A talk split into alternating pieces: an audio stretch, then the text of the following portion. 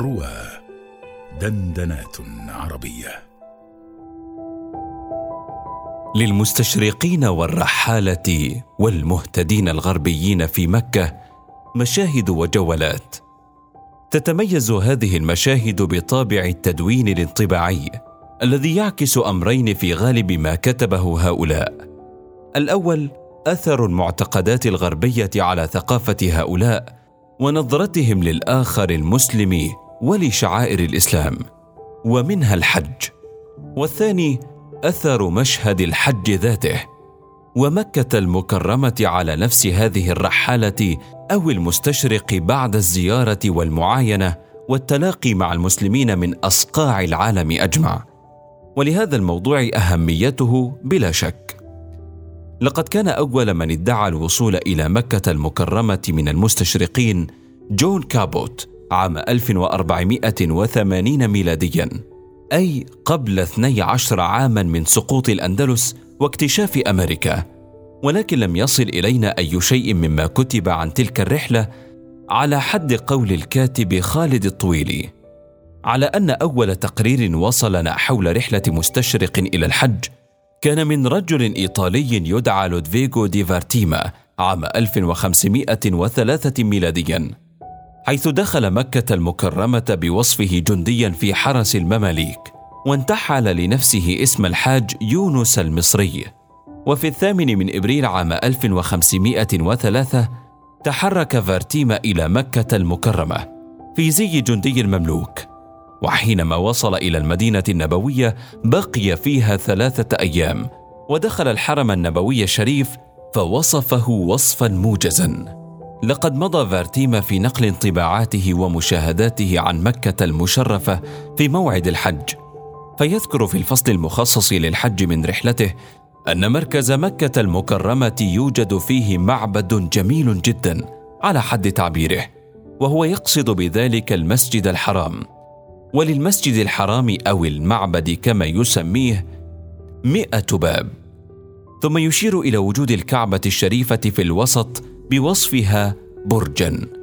ثم يصف بئر زمزم قائلا إن ستة أو سبعة رجال يقفون عادة حول البئر ليستقوا الماء للناس منها وهؤلاء يريقون ثلاثة أسطل من ماء زمزم فوق كل حاج من الحجاج فيتبلل به من قمة الرأس إلى أخمص القدم ولو كان لباسه من حرير.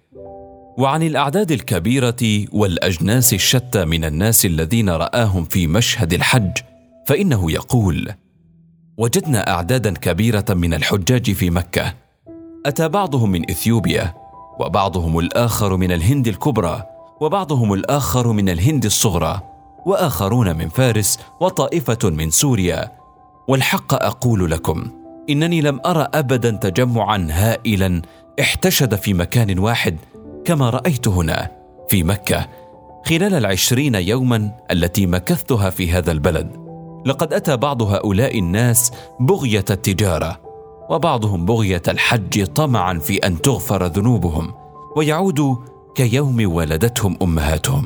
أما السويسري جون لويس بوركهارت فيعد من أشهر رحالي القرن التاسع عشر والذي شارك في موسم الحج متخفيا تحت اسم مستعار وهو الشيخ إبراهيم.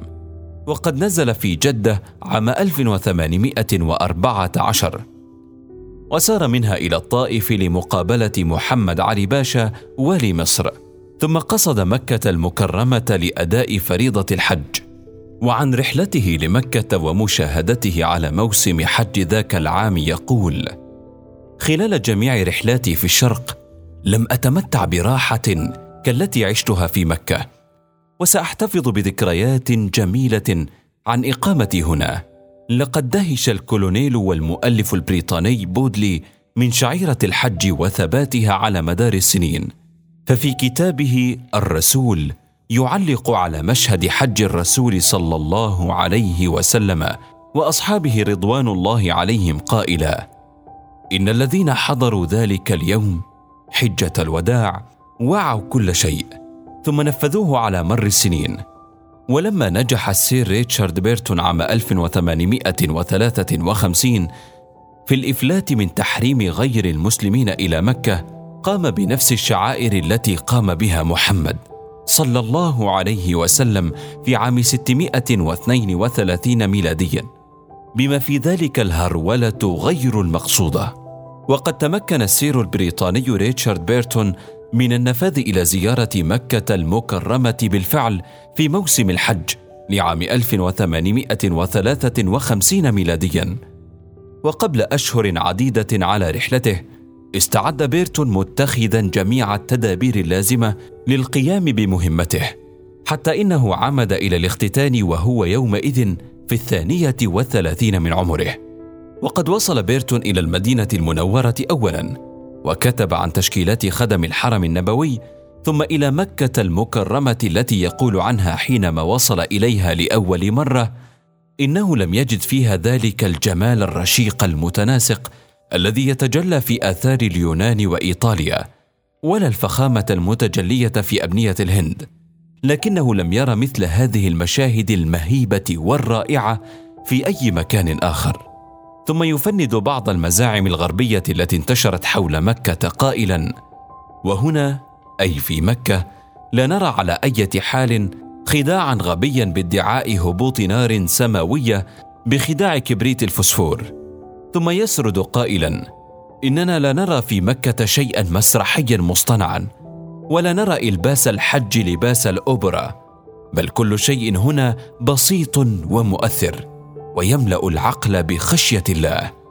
أما عبد الكريم جرمانوس فمن المستشرقين المجريين المحدثين نسبيا وأحد هؤلاء الغربيين المهتدين القلائل الذين زاروا الأماكن المقدسة في مكة والمدينة في النصف الأول من القرن العشرين حيث سافر عام 1935 ميلاديا وكتب مذكرات رحلته إلى الأماكن المقدسة باللغة المجرية. تحت عنوان الله أكبر. وترجم هذا الكتاب إلى لغات عدة ولشدة تأثره بهذه الفريضة عاد إلى الأراضي المقدسة مرة ثانية حاجا عام 1939 وإن لجرمانوس فضلا غير مباشر في حث الكاتب والأديب المصري محمد حسين هيكل على الحج وزيارة الأماكن المقدسة التي سجلها في كتابه في منزل الوحي. حيث يقول في مقدمة كتابه الآنف جعلت أدير شارة الراديو على محطات مختلفة حتى كانت بودابست وكانت أول عبارة تنفست عنها الإذاعة قول المحاضر يقصد جرمانوس وسط هذه الجموع الحاشدة حول الكعبة جعلت أسمع الله أكبر الله أكبر. فلما انتهيت من الطواف ذهبت أسعى بين ربوتي الصفا والمروة. ويقول محمد حسين هيكل فقلت في نفسي أو يكون هذا الأستاذ الأوروبي الحديث العهد بالإسلام؟ أصدق عزما مني في زيارة الأماكن الإسلامية المقدسة؟ أما من أشهر المستشرقين المهتدين ممن زاروا مكة في الأعوام الثلاثة الأخيرة فهو المفكر والدبلوماسي الألماني المسلم مراد هوفمان. الذي حج مرارا منذ أسلم في بداية الثمانينيات وفي حجه الثاني في بداية التسعينيات يروي تأملاته القيمة حول هذه الفريضة العظيمة. إذ يقرر أنه اطلع على معظم التقارير التي كتبها بنو جلدته من الغربيين حول الحج مثل بيرتون وبوركهارت وغيرهم. لكنه يقر بأنه لم يجد أفضل من القرآن زادا لتلك الرحلة.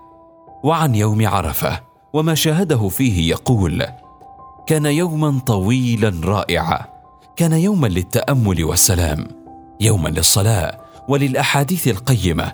لم أكن منذ كنت أمارس التمارين الجزويتية في سنوات الصبا قد عايشت مثل هذا التوجه الكامل إلى الله بكل هذا الصفاء الداخلي الباهر.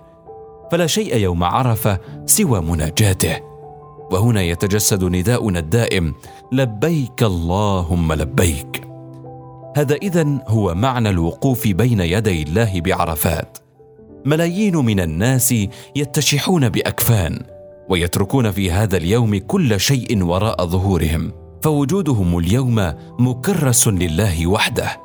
يتوقعون موتهم يصلون ويتضرعون في خشوع ويقين لم يحدث من قبل. ولن يحدث في الغالب من بعد.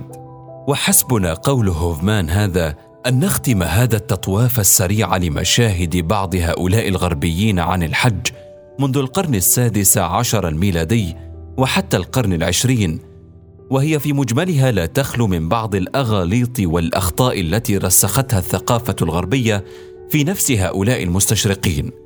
لكن انطباعاتهم وتدويناتهم كانت في المقابل تفنيدا لهذه المزاعم وانعكاسا لتجربة ذاتية جديدة أثرت فيهم حتى إن بعضهم تداعى للحج مرة أخرى كما فعل جيرمانوس وهوفمان.